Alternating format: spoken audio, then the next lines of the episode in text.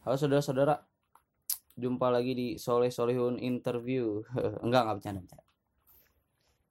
Kali ini, karena udah lama nggak bikin konten, eh, kebetulan lagi ada waktu luang karena belakangan Indonesia lagi diserang wabah yang cukup hebat. Jadi sedikit ada waktu untuk bikin konten. Kali ini gue mau wawancara seorang seniman muda yang tidak berpenghasilan dari karyanya. Maldi Akbar. Halo Mal. Halo, anjing keren gitu. Baik babari kalem itu nanan bahasa Sunda gitu. Jadi seniman seniman naon mal? Coba jelaskan seniman apa sih yang digeluti seni apa yang digeluti oleh seorang Maldi Akbar seni menggambar. Seni apa ya? Kalau dibilang sih ini ngalur ngidul aja sebenarnya sih. Dari mulai pensil warna sampai pensil pensil biasa. Terus sekarang pointilis pointilis itu kayak kita nggambar titik-titik gitu dari mulai titik-titik sampai ke realistik gitu. Ngerti kan? Di titik-titik aja ya pokoknya dots. Istilah Eh, Sunda keren ya.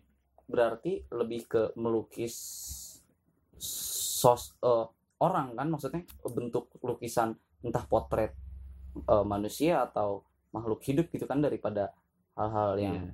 maksudnya lu bukan tipe penggambar yang melukis pemandangan eh, Iya, bukan. lebih ke makhluk hidup gitu kan objek hidup kan Hmm. kenapa karena apa ya Eh, lebih lebih bagus aja sih daripada ini apa pemandangan kayak gitu. Lebih bisa lebih detail gitu. Tapi enggak juga sih. Sebenarnya peng- eh, apa sih namanya? Kalau misalkan gambar pemandangan juga kan sebenarnya detail. Cuman gimana ya? Kayaknya udah nemuin jalan hidupnya aja kali ya. Oh atau mungkin kayaknya kalau pemandangan detailnya kayaknya walaupun melukis pemandangan detailnya ya kayaknya akan ya seperti pemandangan pada umumnya gitu. iya tapi kan kalau gambar potret orang tuh lebih lebih gimana eh, itu deh pokoknya gue juga nggak bisa jelasin Eh, sejak kapan sih menggeluti bidang tersebut Oh, udah lama gua. Eh, sebenarnya dari SMA, SMA cuman nggak terlalu serius gitu gambarnya ya udahlah gitu aja. Nggak apa orang nggak ngasilin duit kan. Tapi makin lama ke sini makin pas kuliah gitu, makin ada yang suka tuh ngegambar nggambarnya. Jadi sering ada klien kalau gitu ya. Gue sebutnya klien ya, karena dia yang yang minta gitu ya. Gue sebutnya klien kalau minta tuh kadang suka ini kepalanya dong agak gimana ya kan kalau lu lihat di gambar gua gitu di Instagram wild project art gitu dot art gitu tuh. ngegambarnya nggak kayak umumnya gitu kalau misalkan orang-orang kan ngelukis udah ngelukis Hmm. aja gitu kalau gua ngelukisnya kayak misalkan nge- pengen gambar lu tapi otaknya keluar kayak gitu lebih Hmm. gore sih dark gitu jadi emang beda gitu ada penambahan detail yang eh, sesuai request klien. Iya. Maksudnya gitu. jadi si klien memberikan potret dirinya kemudian dia request gue mau dilukis dong kayak foto gue ini tapi gue ada mau penambahan detail kayak gini-gini gitu Iya. kan. Untuk requestan tersebut ada tarif tertentu gak sih? Untuk untuk untuk hanya untuk penambahan request tersebut ya? Lu kenakan tarif juga atau enggak sih? Eh, iya sih kena cuman kalau gua sih murah aja sih ya nggak lebih dari tiga ribu gitu. Itu range harganya mulai dari? Mulai dari seratus ribu. Kalau misalkan seratus ribu dia pengen potret aja gitu. Udah. Mulai dari seratus ribu sampai? ribu. Sampai bisa 400 ribu cuman kalau misalkan kliennya rese kan ya. Kalau makin rese makin suka gue soalnya. Makin nambah duit kan. Hmm, eh, itu range harga di uk- uk- ukuran harganya ma- matok harga alasannya maksudnya apa yang membedakan harga-harga tersebut apa?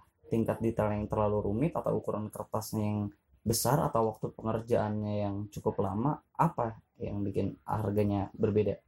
Tingkat tingkat kesulitan dan tingkat apa ya?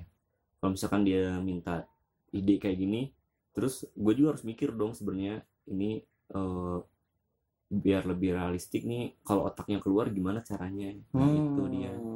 Dari Hmm. jadi itu tingkat sih. kesulitannya dinilai dari eh, requestan iya, klien juga. Iya. dari bukan dari potret. Misalkan katakanlah tingkat kesulitannya adalah di satu dia minta digambarkan untuk eh, hadiah kado ulang tahun pacarnya. Hmm, ada potret dua orang. Itu juga tingkat kesulitan atau enggak? Enggak itu kalau itu eh, dari harga 150.000 normal sih itu sebenarnya kalau kayak gitu. Cuman kalau di gua ada tarif kayak gini. Kalau misalkan lu minta ke gua eh, 150.000 eh apa minta potret orang satu orang aja. Itu 150.000 full Tapi- body? tapi enggak. Eh, gua yang atur sebenarnya itu juga Hmm. tapi nanti gua eh, apa minta setujuin dulu Hmm, sama klien dulu gitu. lah. 150 ribu kayak gini bisa gak? Gitu. kalau dia nggak mau ya udah. Oh, pengen full body gitu ya udah gak apa full body. Dengan tarif yang sama? Eh, iya sama. Cuman kalau misalkan di satu foto itu ada dua orang nah itu bisa dibedain lagi tarifnya. Kalau kalau nambah orang lagi 50.000 ribu jadi 200 ribu kan Hmm. itu plus frame sih. Itu termasuk murah banget sih sebenarnya. Hmm, itu 200.000 ribu dan sudah dapat frame. Iya. Jadi si hasil karyanya sudah di framing dan siap untuk dipajang atau dihadiahkan. Iya. Nah jadi untuk teman-teman yang mungkin kepikiran untuk kasih hadiah atau mungkin mau bikin sebatas kenang-kenangan potret diri dengan media lain selain foto media lukis kan bisa hubungi lewat mana? Oh, Instagram? Instagram wildproject.art wildproject.art nanti gue tulis di deskripsi deh. Berarti belajar gambar dari SMA dari SMA pemicunya apa? Pemicunya kenapa lebih memilih untuk memperdalam seni menggambar daripada kreativitas yang lainnya. Kenapa nggak nggak belajar memahat atau Hmm. mematung musik atau apa? Kan lebih banyak karya seni lain. Kenapa lebih memilih menggambar? Karena apa ya? Waktu dulu kan gue emang emang sampai sekarang sih sempet suka anime ya. Anime sama Hmm. komik gitu manga. Dan kepikiran aja tuh keren banget ini gambarnya kayak gitu. Orang-orang Jepang gitu lebih detail gitu terpicunya di situ sih. Cuman waktu terpicu sampai ke profesional kayak gini tuh gara-gara gue nggambar waktu SMA terus dikatain gambar gue jelek katanya. Nah itu di situ gue mulai pengen ngerubah banget gitu. Pengen ngerubah sudut Hmm. pandang dia ke gue gitu. Hmm.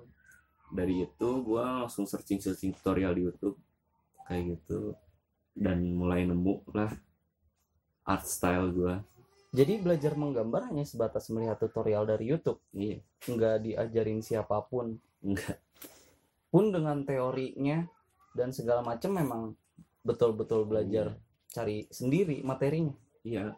Nggak ada yang ngarahin. ada. Eh, dari SMA dan sekarang sudah bisa menghasilkan pundi-pundi uang. bisa. Bisa. Lumayan sih. Buat menyambung hidup aja sih itu. Soalnya kan gue waktu tiga bulan yang lalu ya dua bulan dua bulan yang lalu masih kerja Hmm. masih kerja jadi di situ eh, gambar-gambar kayak gini tuh cuma buat penyambung hidup aja nggak nggak lebih dari sekedar buat invest kayak gini enggak Tapi ada kepikiran untuk diseriuskan ke jenjang yang lebih profesional nggak sih? ada. Kalau misalnya memang di eh, diseriuskan ke ranah yang lebih profesional kira-kira langkah apa yang mau lo ambil? Buka studio eh, pertama-tama sih gue pengen nge apa namanya? Pengen nge ngepublikasiin dulu nama gue tuh eh, di mata orang-orang gitu. Dari kayak gue ngegambar si eh, Deddy Corbuzier kan. Oh anda cukup haus eksistensi ya? Iya karena emang itu yang dibutuhkan dunia zaman sekarang kan. Ya karena kita memang harus memframing diri sendiri agar iya. agar eh, maksudnya kita harus menciptakan citra di tengah masyarakat gitu, agar masyarakat tahu bahwa kita memang berkarya. Iya jadi hal yang pertama lo lakukan lo akan melakukan demonstrasi Hmm, melukis lewat media sosial. Iya YouTube. Media sosial YouTube. Dan Instagram tentunya. Dan Instagram. Tujuannya pertama untuk untuk eh, mensosialisasikan kepada warga masyarakat luas eh, iya kayak gitu. Memperkenalkan diri gua kepada orang-orang gitu. Selanjutnya langkah selanjutnya untuk dibawa ke ranah profesional sekarang sudah mulai kan berarti demonstrasi di platform YouTube dan Instagram sudah mulai kan? Udah. Dan eh, kemudian respon-respon netizen terhadap karya lo sendiri gimana? Ya nggak ada sih. Nggak ada yang buruk nih. Bagus-bagus semua cuman sejauh ini positif? Iya cuman kalau di YouTube kan ada yang julidnya cuman wah. pembawaannya jelek kayak gitu ya. Hmm nah nah nah benar benar benar. nah lu kan berarti kan demonstrasi lu di platform media sosial YouTube atau eh dan Instagram. Hmm. ketika ada reaction dari viewers lo terhadap karya lo reaction negatif ya yang Hmm. buruk lu menanggapinya gimana sih? Gue dilihat lah pak. Nggak ada lah gitu. Eh, kenapa baru mulai udah dibuat depresi ya. Maksudnya kenapa kenapa ya i- m- eh, mak- maksudnya kenapa tidak dianggap sebagai motivasi? Iya. karena kan sebenarnya kan haters tuh kan yang lebih tahu kekurangan kita ya nggak sih? Maksudnya kenapa tidak dijadikan? Berarti lu lebih memilih sikap untuk menghapus komen komentar negatif dong iya. daripada membiarkan. Mm-mm. kan eh, kalau misalkan lu eh, searching kayak kayak gitu apa yang misalkan youtuber youtuber gede gitu lah gitu. Kalau misalkan diledek kan di udahin aja gitu ya. Hmm, kalau gua tuh masih kecil gitu ya masih kelihatan gitu. Orang-orang yang sering menghina gua tuh siapa aja gitu. Kelihatan kalau youtuber youtuber gede kan satu dua gitu nggak Hmm. kelihatan kan. Hmm. jadi jadi memang lu emang berdampak sih gitu. Jadi memang lu ingin menjaga citra lu tetap positif di media sosial. Begitu kan maksudnya opini yang sebenarnya ingin disampaikan tapi kalau misalkan ada yang komen negatif di video pertama gua gitu Hmm? tapi di situ langsung gue benahi kayak mulai dari apa intonasi gua pembawaannya kayak gitu Hmm. langsung gue benahi langsung searching searching tutorial gitu Hmm. bahwa pembawaan yang bagus tuh kayak gimana Ah. sih di situ gua introspeksi juga sih lalu komennya dihapus dihapus tentu benar berarti anda ingin menjaga citra anda tetap terlihat baik di mata publik kan intinya? Iya. Egois ya egois ya. Tapi itu salah satu sikap anda yang mungkin emang lu pikir itu eh, cara terbaik untuk pribadi lu. Lu introvert gak sih? Introvert bisa dibilang sih. Makanya lu lebih memilih sikap tersebut iya. untuk menanggapi oh. Berarti balik lagi ke tadi eh, ranah profesional setelah demonstrasi katakanlah demonstrasi lu berhasil. Katakanlah eh, masyarakat lo sudah tahu lu siapa atau singkatnya lu sudah viral nih di Hmm. media sosial. Terus langkah yang mau lu ambil selanjutnya untuk lanjut ke ranah profesional apa? Mau tetap mau tetap dulu sih di ini di apa? Di platform YouTube dan Instagram gitu. Lu Se- berarti belum ada bayangan mau dibawa ke mana kalau misalnya dibawa ke ranah profesional kalau misalkan ini kan di YouTube tuh gue sering ngegambar gitu ya. Hmm.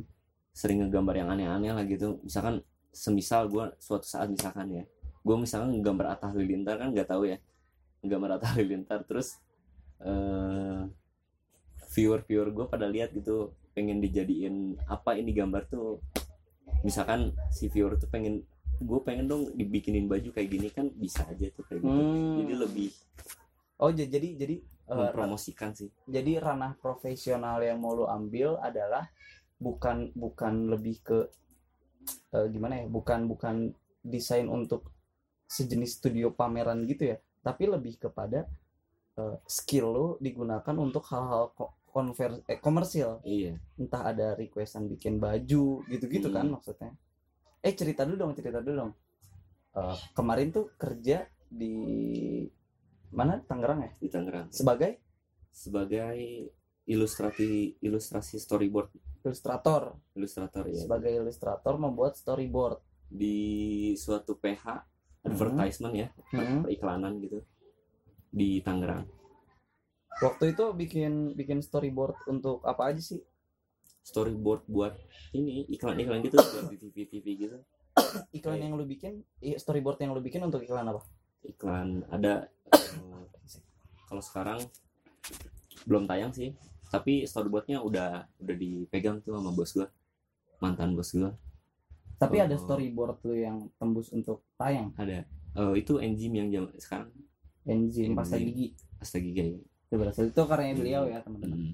Itu storyboard. Eh storyboard tuh kasih tau dulu mana tahu ada yang belum paham storyboard itu apa jadi sih? storyboard itu kayak lu misalkan gambar apa sih namanya gambar komik cuman dibuat buat eh, live action gitu kayak live action gitu jadi lu buat komik dulu gitu Hmm. lu buat suatu jalan cerita Hmm. tapi jalan ceritanya udah dibuatin dulu sama bos gua setelah jalan cerita itu masuk ke ke apa ke ke apa ke gua gitu Oh. masuk ke gua gua langsung buat tuh story storynya kayak gimana dari mulai sudut pandang kamera kan sudut pandang kamera itu dari apa ya namanya gue Hmm. bikinin sudut pandang kamera terus bikinin gimana cara ngomong si ini tuh ekspresinya kayak gimana terus oh. kayak gitu Iya, jadi jadi lu tuh eh, representasi dari naskah berbentuk visual. iya Jadi lu mengubah naskah menjadi bentuk visual. iya Naskah untuk pengiklanan. Eh, jadi kalau misalkan kalau misalkan eh, suatu saat misalkan lu eh, karena syuting-syuting kayak gitu Hmm? nanti sebenarnya lu ada ngeliat tuh di sebelum syuting ada storyboard dulu dipajang Hmm, di agar si iya. talent tahu apa yang harus dia Iya, lakukan. dipegangnya sama si sutradara Hmm. sutradara itu bos gua asalnya Hmm, hmm, hmm. Nah si sutradara tuh nanti ngeinstruksiin ke talent gitu, Hmm, hmm. Eh, ekspresinya harus gimana. Nah dia tuh lihat storyboard gua. Oh. Jadi dari pan- sudut pandang kamera, angel kamera kayak gimana gitu, dia taunya dari storyboard gua. Berarti sebenarnya lu bisa juga terjun ke ranah perfilman dong. Perfilman bisa, cuman eh, perfilman itu apa ya? Bisa kan? Tapi Eh, bisa, cuman lebih ke ini sih di apa ilustrator yang udah di digital, gue bisa digital. hmm, cuman nggak terlalu mahir nggak terlalu cepat gitu ini hmm, tapi lu ada kepikiran untuk terjun ke ranah tersebut? Enggak. Ke industri film untuk film Nggak. Eh, kapok karena kapok sih gue Eh, jadi gimana ya gue dulu kan waktu pertama kali masuk ke PH gitu hmm, di Tangerang itu eh gue ngegambarnya tuh mudah gitu. Lu lihat di searching deh di Google gitu. Hmm, storyboard tuh kayak gimana sih? Biasanya storyboard itu simpel-simpel semua gitu gambarnya. Nah semenjak di Tangerang itu gua pertamanya gambarnya simpel dan dia bos gua nerima gitu ya. Setelah lama kelamaan gua kan sering sering apa ngerjain freelance freelance dari klien-klien gua sendiri ya gitu. Yang potret-potret Iya, anniversary iya, kayak tadi. gitu. Ah, jadi si bos gua tuh ngeliat kayak gitu oh ternyata gambar gue bisa lebih bagus gitu ya Ah. daripada storyboard. Kan lo tau sendiri gitu storyboard itu simpel gambarnya. Ah, dan sedangkan punya gua tuh ngerjainnya bisa tiga hari satu gambar tuh tiga hari kayak gitu. Eh, lama banget kayak gitu. Dan bos gua pengennya gambarnya kayak gitu hmm. lo ngerti gak Jadi jadi lu tuh eh, jadi si bos lu itu membandingkan hasil karya lu yang eh, untuk klien dengan kerjaan eh dengan kerjaan storyboard yang dibebankan. Maksudnya Iya. maksudnya kalau memang lu bilang storyboard yang sebenarnya contoh-contoh di Google itu adalah contoh-contoh storyboard yang simpel dan tidak perlu banyak detail, Mm-mm. terus kemudian si bos lu merasa dirugikan karena dia merasa lu tidak mengeluarkan talenta penuh untuk Mm. perusahaan kan? Ya mau gimana lagi kan? Storyboard tuh buat memang sederhana. sederhana. Dan gambar itu banyak banget. Sa- satu kali iklan tuh bisa sampai 20 gambar 30 gambar.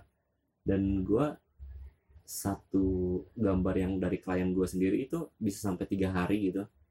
Dan Hmm. gila banget sih itu kalau misalkan jadi gitu ya. Gua udah ngeokehin ya udah gak apa-apa. Asalkan eh, beri saya waktu gitu ya. Hmm. gua tentuin sih waktunya gua dari situ eh, tiga hari itu gua udah gadang terus gitu ya tiga hari. Tiga hari tiga malam gue gadang terus. Dan pas udah tiga hari itu dia ngechat ke gue kan dia lagi syuting tuh di Tangerang. Hmm. dia ngechat ke gue eh katanya mana storyboardnya udah jadi belum? katanya. Kayak gitu. Hmm. kata gue tuh gimana mau jadi? Kan katanya suruh kualitas gambarnya harus diperbaiki. Hmm. tapi minta waktunya lah pak kata gue tuh kayak gitu. Hmm, setelah itu dia ngomel-ngomel kamu tuh harusnya eh, ngikutin cara kerja aku. Kalau kamu eh, kalau aku ngikutin cara kerja kamu harusnya kamu yang bayar aku gitu dia ngomongnya. Anjing di situ gue langsung ya udahlah gue memundurkan diri aja tanpa digaji ya itu Hmm. Oh 20 berarti hari gua. berarti oh, di 20 hari 20 digaji? hari di sana. 20 hari kerja? 20 hari dan kerja tidak dibayar. gue mengundurkan diri terus gue bilang "Eh, terima kasih ya pak selama ini kayak gitu gitu gitu bla bla bla perpisahan Hmm. gitu. Gue ngechat sebenarnya nggak face to Enggak face. abis itu oh dia cuma bilang oke se- oke gitu dong oka doang. Oh. oh, dan kak dan di situ langsung gue cabut ke rumah gitu ya karena gue merasa nggak dihargain di situ.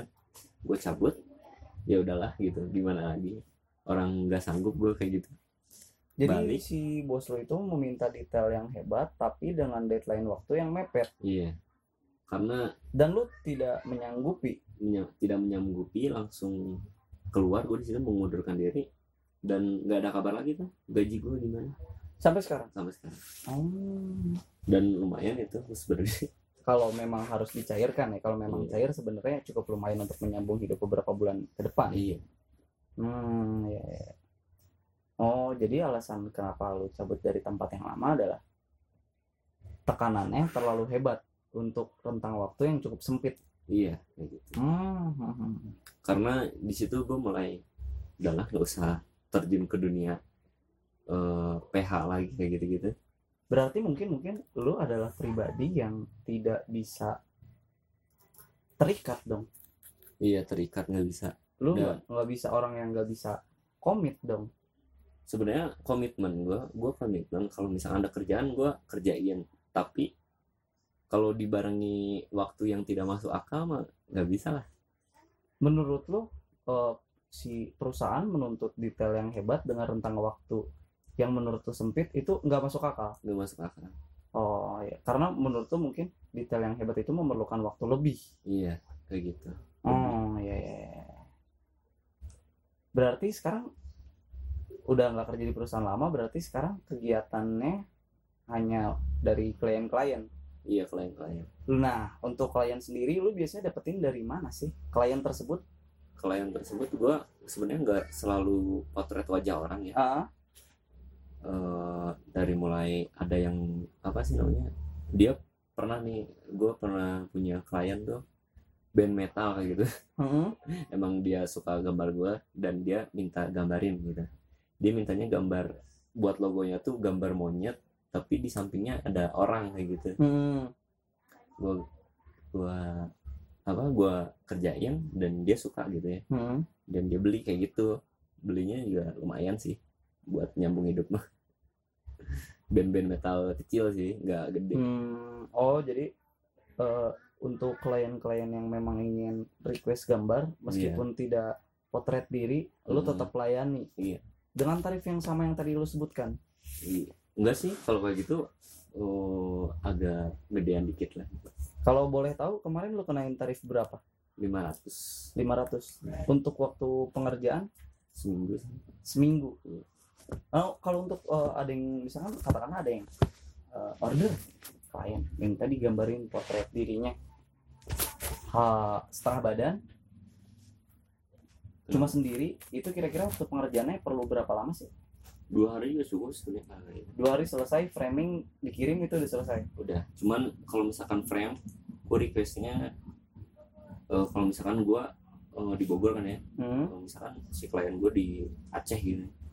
Kalau oh pernah dapat klien dari Aceh? Pernah Iya, cuma nah itu dapat klien tersebut dari mana? Dari Instagram Instagram gitu. Oh. Ngeliat-ngeliat gambar Hmm. gue terus dia minta terus dan gue kirimnya nggak pakai frame. Karena khawatir rusak. Bukan itu sih sebenarnya cuman lebih dari mahal aja. Karena kalau frame kan harus di box gitu. Oh iya paketnya pun beda. Pakai kayu gitu. Kalau gitu nambahnya agak gede sih bisa sampai ratusan ribu ya. Sayang aja duitnya. Mending klien gue suruh beli frame di sana gitu di Oh. fotokopiannya langsung. Berarti eh, kemarin yang waktu dikirim ke Aceh lu kirim raw kertasnya aja. Kertasnya aja. Bentuk dokumen gitu kan berarti Iya, dokumen. dikirim. Tapi nggak selalu ini sih nggak selalu apa kalau misalkan gue pakai pulpen gitu ya pen drawing pen. Kalau misalkan gue pakai drawing pen nggak selalu dikirim lewat INE gue kirim lewat email juga. Gue scan terus kirim lewat email. Oh Terus soft dia- copy-nya. eh, ngeprint sendiri. Cuman kadang-kadang eh, klien tuh maunya kertasnya yang bagus gitu ya. Hmm. jadi gue makanya manfaatin JNE aja udah daripada harus kirim email gitu. Untuk menggambar satu karya sebenarnya memerlukan kos yang besar atau enggak sih? Kos paling besar untuk satu karya tuh di mana? Di kertas atau di apa? Di kertas juga. Di kertas kan mahal ya. kertasnya lumayan sepuluh ribu satunya. Gue berarti modal paling mahal dalam karya lu di kertas sebenarnya? Di kertas di drawing pen juga mahal. Terus pensilnya juga sebenarnya mahal itu pensil. Hmm, pensil gua tuh sepuluh ribu satunya. Pensil? Pensil. Terus drawing pen dua puluh ribu. Kertasnya sepuluh ribu jadi lima puluh ribu lumayan. Itu gambar-gambar yang klien minta yang yang lo dapat orderan itu bentukannya sketsa atau berwarna gak sih? Sketsa hitam putih aja sih. sketsa hitam putih gitu bisa aja gua eh, apa? Eh, berwarna cuman nggak terlalu maksimal warna itu. Tapi pernah ada yang minta gak pernah. Terus nggak lo sanggupi? Bisa sebenarnya bisa cuman Ah, dia udah minta terus berwarna ah. gua kirim dia suka udah itu aja. Nggak pernah nggak pernah ada. pernah ada lagi gitu. Oh yang tapi kalau misalnya memang ada orderan yang warna lo akan sanggupi? Iya sanggup ada tarif tambahan nggak untuk gambar yang berwarna? Kalau warna dulu eh, satu orangnya dua ribu. Satu potret setengah badan iya. berwarna. Dua ribu. Karena kan kalau misalnya hitam putih satu orang gitu seratus lima puluh ribu. Mm-mm. kalau warna dua ribu. Oh berarti lo kenakan tambahan biaya Iya. tambahan sebesar lima puluh ribu. lima puluh ribu. Hmm. Itu gambar eh warna ini pakai pensil warna atau spidol? Pensil warna Faber Castell sih Pakai pensil warna Faber Castell. Itu lu berarti pengiriman paling jauh ke mana sih? Order pengiriman itu Aceh tadi di Aceh itu paling jauh. Itu dari Instagram. Instagram Instagram sih yang banyak ke Bandung Paling banyak orderan dalam sebulan berapa banyak? gue waktu sebelum kerja di PH itu ya gue pernah satu minggu itu bisa ngasih 4 juta Satu minggu hanya dari gambar. iya Waktu itu satu Dari- minggu berarti jadi ber- bikin berapa? Ada berapa orderan yang masuk? satu hari itu bisa ada tujuh lima kayak gitu Tujuh orderan. iya yang bisa selesai dalam waktu satu minggu.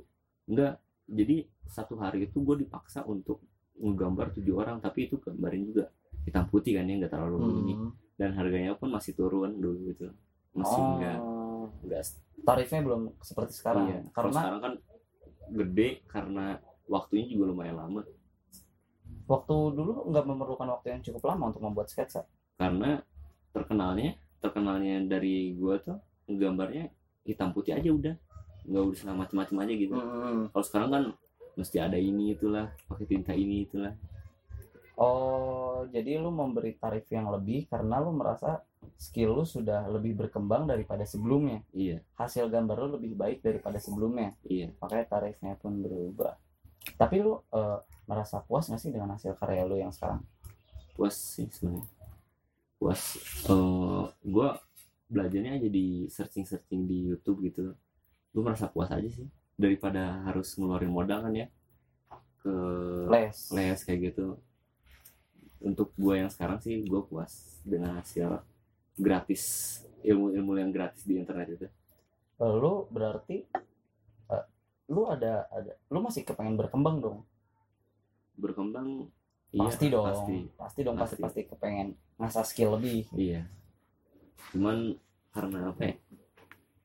Karena sekarang udah difokusin ke YouTube aja udah gitu. Gue pengen coba. pengen deh nyoba gitu. Coba gue tuh sebenarnya eh, apa pengen nyoba keberuntungan di YouTube itu gara-gara gue tuh pengen ngebuktiin gitu ke bos gue ke bos gue mantan bos gue Hmm. gitu kalau gue apa namanya gue cabut dari kerjaan itu gue tuh bisa ngasihin duit lebih banyak gitu hmm. gue tuh pengen ngebuktiin kayak gitu doang sih sebenarnya ego gue tuh pengen ngebalas dendam gitu ke bos gue Hmm. tapi dengan cara kayak gini gitu karena kesuksesan adalah balas dendam iya yang terbaik terbaik gitu. Kayak gitu sih. Gue pengen udahlah pengen buktiin aja gitu. Gue pengen bisa gitu ngasilin duit sendiri. Eh, berarti lu untuk mengembangkan diri lu lagi agar skillnya lebih terasa dengan cara tetap nonton tutorial-tutorial atau lu ada teman sharing-sharing gitu atau enggak sih? enggak sih. Nggak ada sharing sharing Berarti tetap kalau lu cara mengembangkan diri lu tetap sama metodenya dengan iya. dulu dulu iya. Tetap kalau sekarang tutorial. gue kalau dulu kan gue basic doang gitu ya Hmm. searchingnya basic gimana sih gambar kayak gitu Oh berarti yang, Tutorial. yang ngebedain eh, meskipun metodenya sama referensinya yang beda. Iya Mungkin sekarang lu akan cari referensi yang lebih advance. kalau iya kalau sekarang gue carinya langsung di Instagram gitu apa sih gambar yang bagus kayak gimana oh kayak gini gue terapin dia di ini gue gitu Tapi bukannya sulit ya belajar tanpa ada gurunya. Berarti lu kalau belajar dari itu sisanya eksperimen dong, improve iya dong. eksperimen karena gimana ya kalau misalkan ini kalau misalkan ada yang dengar ini masih bingung gitu ya minatnya gimana gitu karena kalau misalkan kalau gue ya kalau gue pribadi sih Hmm. karena gue pengen belajar ini karena gue minat gitu jadi Hmm, dengan sendirinya gue akan searching searching searching Iya, lah iya, gitu iya. jadi nggak usah ada lah guru-guru kayak gitu jadi mending lu minatin dulu diri lu ke Cari kesukaannya cari di mana, iya, cari kesukaannya di mana cari referensi, cari referensi terus belajar sendiri. lu minat lah lu minat nanti lu juga bakalan Seambisius itu. ah, bakalan seambisius itu Hmm, benar benar gue setuju sih. Harapan lu ke depannya terhadap skill lu apa sih? Lu ada harapan gak sih ke depannya untuk diri lu sendiri dan uh, seni yang lu tekuni sekarang? harapan gue sih itu sih sebenarnya harapan gue dari karir gue harapan gue dari karir gue tuh bisa sukses di platform YouTube terus harapan dari skill gue bisa lebih improve lagi sih itu aja sih sebenarnya nggak nggak macam-macam aja Oh, lu pengen jadi youtuber berarti intinya ya? Tapi dengan konten yang edukatif. edukatif Tapi tetap youtuber kan? youtuber cuman cuman gue nggak bakalan ikut-ikutan kayak orang-orang lah. Ya nggak usah disebutin lah ya. Tapi ber- berarti lu berpikiran bahwa ladang sumber penghasilan lu akan dari YouTube? Eh, nggak juga. Kalau misalkan dan gua- klien yang order tersebut maksudnya? Iya. Dari itu keduanya iya. Atau ada hal lain yang akan lu jadikan sumber pencarian ke depannya sebenarnya kalau misalkan gue mikirnya bakalan sukses di YouTube gue sebenarnya salah sih kayaknya. Karena nggak salah juga sih sebenarnya. Iya kalau misalkan mikir kayak gitu gue jadinya ketergantungan banget gitu jadi Hmm. gak, gak mau kerja lagi. Hmm. gue pengen gitu kerja lagi. Cuman dengan syarat gue pengen nyobain dulu gitu di YouTube. Bagus gak sih ininya, Hmm. karirnya? Kalau misalkan nggak bagus selama enam bulan ini adalah nggak maju-maju gitu baru gue kerja lagi. Gambling ya? Iya kalau misalnya memang sukses dan memang menjanjikan akan lu lanjutkan di YouTube? Iya, karena eh, susah juga sih kalau misalkan gua terus-terusan di YouTube tapi nggak berpenghasilan. Itu kayak bunuh diri aja sih sebenarnya. tapi walaupun nanti misalkan katakanlah lu mencari mata pencarian lain sumber penghasilan lain akan tetap di industri yang lu tekuni sekarang akan tetap di seni yang lu tekuni sekarang. Atau lu nanti katakanlah lu misalkan perlu biaya tambahan biaya hidup tambahan Hmm. lu perlu cari sampingan. Lu akan tetap nyari kerjaan yang sesuai dengan bidang yang lu tekuni atau apa aja lu kerjain. Misalkan lu ada lowongan jadi admin di kantor Hmm. ya udah nggak apa-apa gitu. Atau gimana sih? Iya, nggak apa-apa sih gua kalau kerja tuh kan nggak cuma apa ya, gue tuh nyari duit ini kerja tuh. Nyari duit bukan eh, nyari bukan nyari apa ya Eh, ini nih sumber penghasilan gue sampai seumur hidup gitu. Enggak kan? Hmm. jadi gue tuh cuma pengen ngambil duitnya terus dapetin modal buat usaha lagi gitu. Nggak selamanya gue kerja gitu. Oh, berarti lu nantinya, berarti lu ada kepikiran untuk kerja lagi kan? iya kerja tuh Berarti- apa aja gitu. Eh, kerjaan apa aja akan lu ambil. Hmm, berarti tujuan lu kerja adalah untuk mengumpulkan modal. Iya modal. Untuk kemudian lu kembangkan untuk sebuah usaha. Iya usaha. bentuk usaha apa yang lu mau bentuk kembangkan usaha yang gue pengen pengen sih ya. Bentuk usaha tuh kayak gue kan gue ngegambar tuh abstrak gitu ya apa? Eh, kontemporer. apa ya namanya? Kalau misalkan gue ngegambar Mickey Mouse gitu Hmm. Mickey Mouse kan lucu Hmm. tapi kalau digambar sama gue tuh jadi serem gitu. Jadi gue tuh Hmm. pengen pengen apa ya ngegambar gue kayak gitu tuh diapresiasi banyak orang terus dijadiin merchandise atau apalah gitu gue pengen ngambil keuntungan dari situ sih. Bentuk usahanya? Bentuk usahanya. Bikin-bikin merchandise kayak gitu. Dari desain gue sendiri. Oh iya iya iya. jadi karya lu lu akan mau mau lu coba ubah ke hal yang lebih nyata. Di hasil karya lu hasil gambar lu mau lu bikin entah merchandise Iya. lah iya Oh. dalam bentuk fisiknya ada gitu banner ba- banner banner partai nggak nggak nggak terima orderan enggak lah. Iya. bisa sih cuman harus ada tongkaraknya brengsek. Sih bener bener bener, bener. berarti eh, harapannya adalah lu oh lu kan tadi bilang coba peruntungan dulu di YouTube. Hmm. kalau misalnya memang oke nanti lu akan tetap cari kerja atau enggak kalau dari YouTube oke itu plan satu eh, Hmm. plan satu gua di YouTube kalau sukses berarti berhasil gitu. Hmm. kalau plan dua gua gagal gitu di YouTube gua bakalan cari kerja lagi untuk terus cari modal cari modal usaha itu sih ada plan dua ada dua plan sebenarnya unit usahanya berarti berbentuk merchandise Iya. kalau gagal lagi gue belum pikirin sih gagal lagi sampai ke situ soalnya plan satu aja belum Aha. belum terrealisasi kan Oh, berarti anda orangnya memang kurang visioner cukup anda orangnya sangat sangat improve. Jadi ya udah dijalani dulu aja. Hmm. Karena gimana ya? Eh, maksimalin dulu aja yang ada gitu ya Hmm. sekarang. Kalau gagal kerja keras lagi kayak gitu. Itu aja sih moto gue sebenarnya dalam hidup gue maksimalin aja yang ada. Maksimalkan yang ada sekarang. Hmm. ya benar benar. Terus eh enggak tapi bentuk usahanya tuh nanti akan seperti apa sih? Apa kayak distro gitu gak sih? Oh gue tuh jadi pengen punya klien yang profesional gitu apa sih? Lo ngerti gak kalau misalkan ada orang-orang gitu?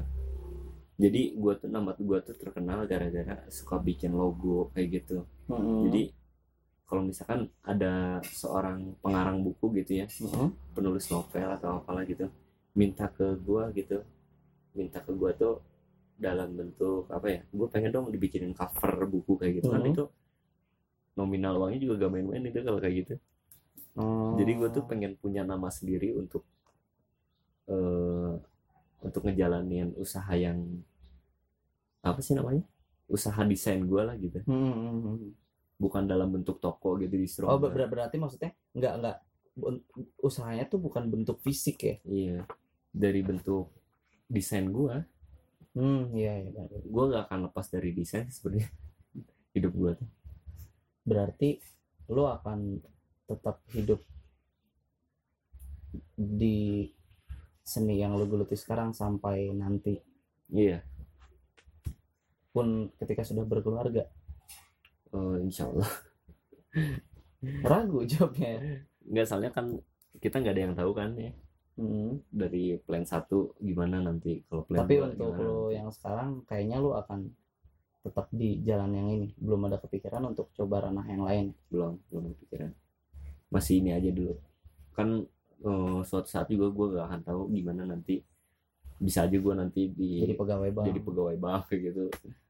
Nggak ada yang tahu. Tapi kenapa pegawai bank ya pilihannya? Karena eh, yang make sense itu cuma pegawai bank. Karena duitnya lumayan.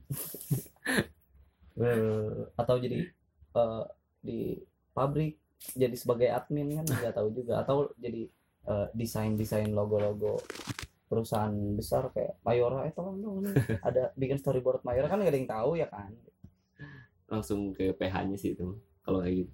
Oh ber- berarti untuk untuk eh, handle desain desain perusahaan besar perlu PH ya Eh, oh iya. berarti bentuk usaha yang mau lu bikin adalah lu mau bikin PH sendiri maksudnya Hmm, iya, cuman nggak berbentuk oh, perikanan enggak. Cuman dalam bentuk nama gua aja gitu. periklanan dong tetap advertise dong walaupun hanya sebatas desain novel Iya. tetap dong tetap tetap tetap tetap di kotak advertise kan Iya. Sebenarnya cuma nggak berarti- lebih dari berarti tetap harus eh, bentuk usahanya tetap production house iya. wild art wild wild art project production house gitu kan berarti Iya. nanti Hmm, Cuma nggak sampai ke bikin iklan video kayak gitu enggak. tapi lebih ke karya-karya yang tidak bergerak lah ya Iya. Lebih ke apa ya namanya? Desain kemasan kayak gitu. karena nggak terlalu makan waktu dan tenaga yang hebat Itu sih planning gua. tapi lu cukup puas ya dengan apa yang lu jalani sekarang lu cukup cukup cukup senang menjalani. Cukup puas dan cukup menyenangkan banyak orang juga ya ngelihat gua ngegambar gitu. tapi pernah eh ber- berarti ya ya, benar-benar berarti ditekuni Dan terakhir ada pesan-pesan nggak sih untuk teman-teman yang juga di industri yang sama atau teman-teman yang baru mau belajar gambar? Ada pesan-pesan nggak sih buat mereka mereka orang Pesan-pesannya ya yang mau disampaikan mungkin barangkali udah maksimalin dulu yang ada aja. Kalau udah lu maksimalin apa yang ada lu bakalan tahu deh jalan style lu ke mana. bakalan tahu jalan yang mau ke mana. Dan nggak nggak akan jauh sih kalau misalkan orang-orang yang punya eh, skill kayak gitu nggak bakalan jauh ke mana-mana Eh, apa sih rezekinya nggak bakalan jauh Hmm. Jadi untuk teman-teman yang lagi serius menjalani industri ini tetap bertahan, tetap Hmm. maksimalkan potensi dan untuk teman-teman yang baru belajar menggambar, temukan minatnya. Kalau memang minatnya digambar, pasti nanti ada jalannya sendiri untuk mengembangkan potensi diri. iya minatnya nggak nggak cuma harus apa sih namanya salah juga sih sebenarnya kalau gue maksimalnya ada tapi nggak upgrade nggak upgrade eh, Tetap harus perlu pengembangan tetap diri harus ya. upgrade terus up- upgrade apa ya namanya upgrade kita harus Potensi apa diri. namanya Eh, kita harus terbuka lah sama teknologi zaman sekarang kan sekarang Hmm. tuh Karena apa-apa lebih mudah dibutuh- di- didapatkan ya. lebih dibutuhinnya digital kan ya. Hmm, benar-benar. jadi terbukalah sama teknologi zaman sekarang nggak harus gua nggambar pensil aja terus sampai seumur hidup gitu Oh, Nggak nantinya lo juga pun akan, gitu. akan terjun ke dunia digital. iya gue pun gue gue udah bisa cuman belum ada alatnya. Dan sekarang lagi kerja keras dulu buat beli alat-alatnya kayak gitu. Mau upgrade gear aja sih. Upgrade toolsnya aja. Kenapa lu lebih eh kenapa lu tertarik untuk terjun ke dunia digital? Apa lu punya prediksi bahwa bentuk fisik akan punah pada akhirnya? Atau Oh, enggak juga sih, enggak bakalan punah juga. Soalnya ada kekurangan juga gambar digital kan. Eh, lu kalau misalkan tanya deh gitu, orang-orang yang sering minta gambar ke orang gitu. Minta lukisin dong ini gambarnya eh, gambar foto gua gitu. Apa sih bedanya eh, gambar foto orang sama lukisan dari gua gitu? Padahal sama-sama ada gambarnya kan. Tapi kenapa orang-orang lebih tertarik eh, digambar pakai pensil gitu Hmm. iya karena kalau dari telaah gua sih ya karena kalau dari tangan tangan-tangan kita tangan-tangan seniman gitu itu lebih spesial daripada tangan teknologi gitu Iya benar gue setuju, gue setuju, gue setuju. dari Karena itu sih Seni tidak terbatas karena seni multitafsir.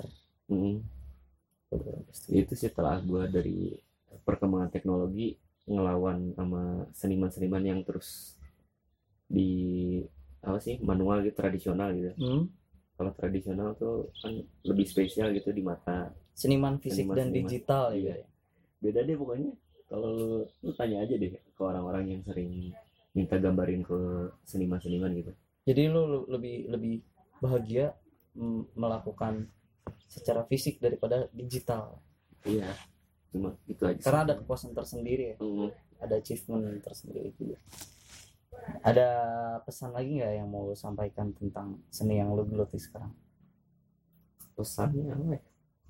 Atau eh, motivasi atau apa apa pun yang akan yang pengen lo katakan tentang seni yang lo geluti sekarang?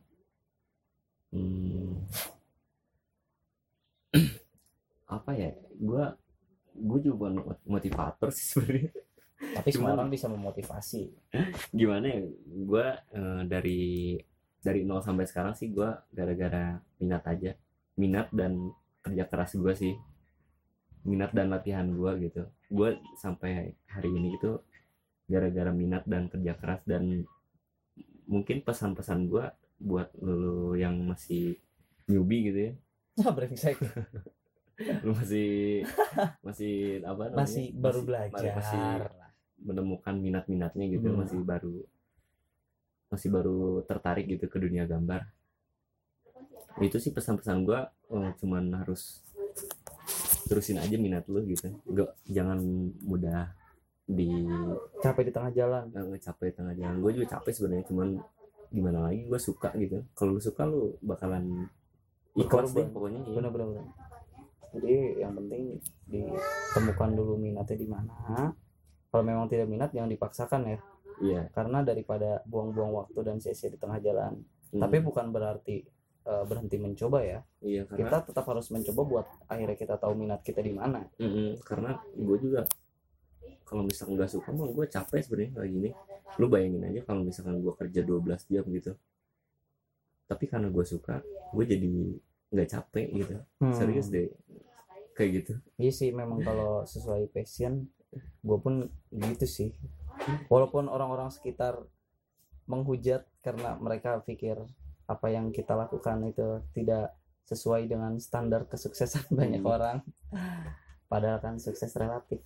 Kadang eh, orang-orang juga sering ngomong oh kenapa lu eh, keluar dari eh, keluar dari kerjaan ini kan gajinya gede kayak gitu. Kadang orang-orang juga sering ngomong ada ngomong- aja lah statement ngomong gitu karena nggak tahu gitu ya. Langsung ngejudge dari sudut pandang mereka gitu. Iyalah. Karena kan mereka penonton. Mereka cuma tahu apa yang mereka lihat. Berarti semoga teman-teman yang lain yang memang nanti mau coba juga seni di jalan seperti Maldi semoga kalian tetap konsisten semoga kalian tetap konsisten deh dan tetap kembangkan potensi diri. Terima kasih atas waktunya Maldi. Ya jumpa lagi lain waktu di Bikos Bincang Indikos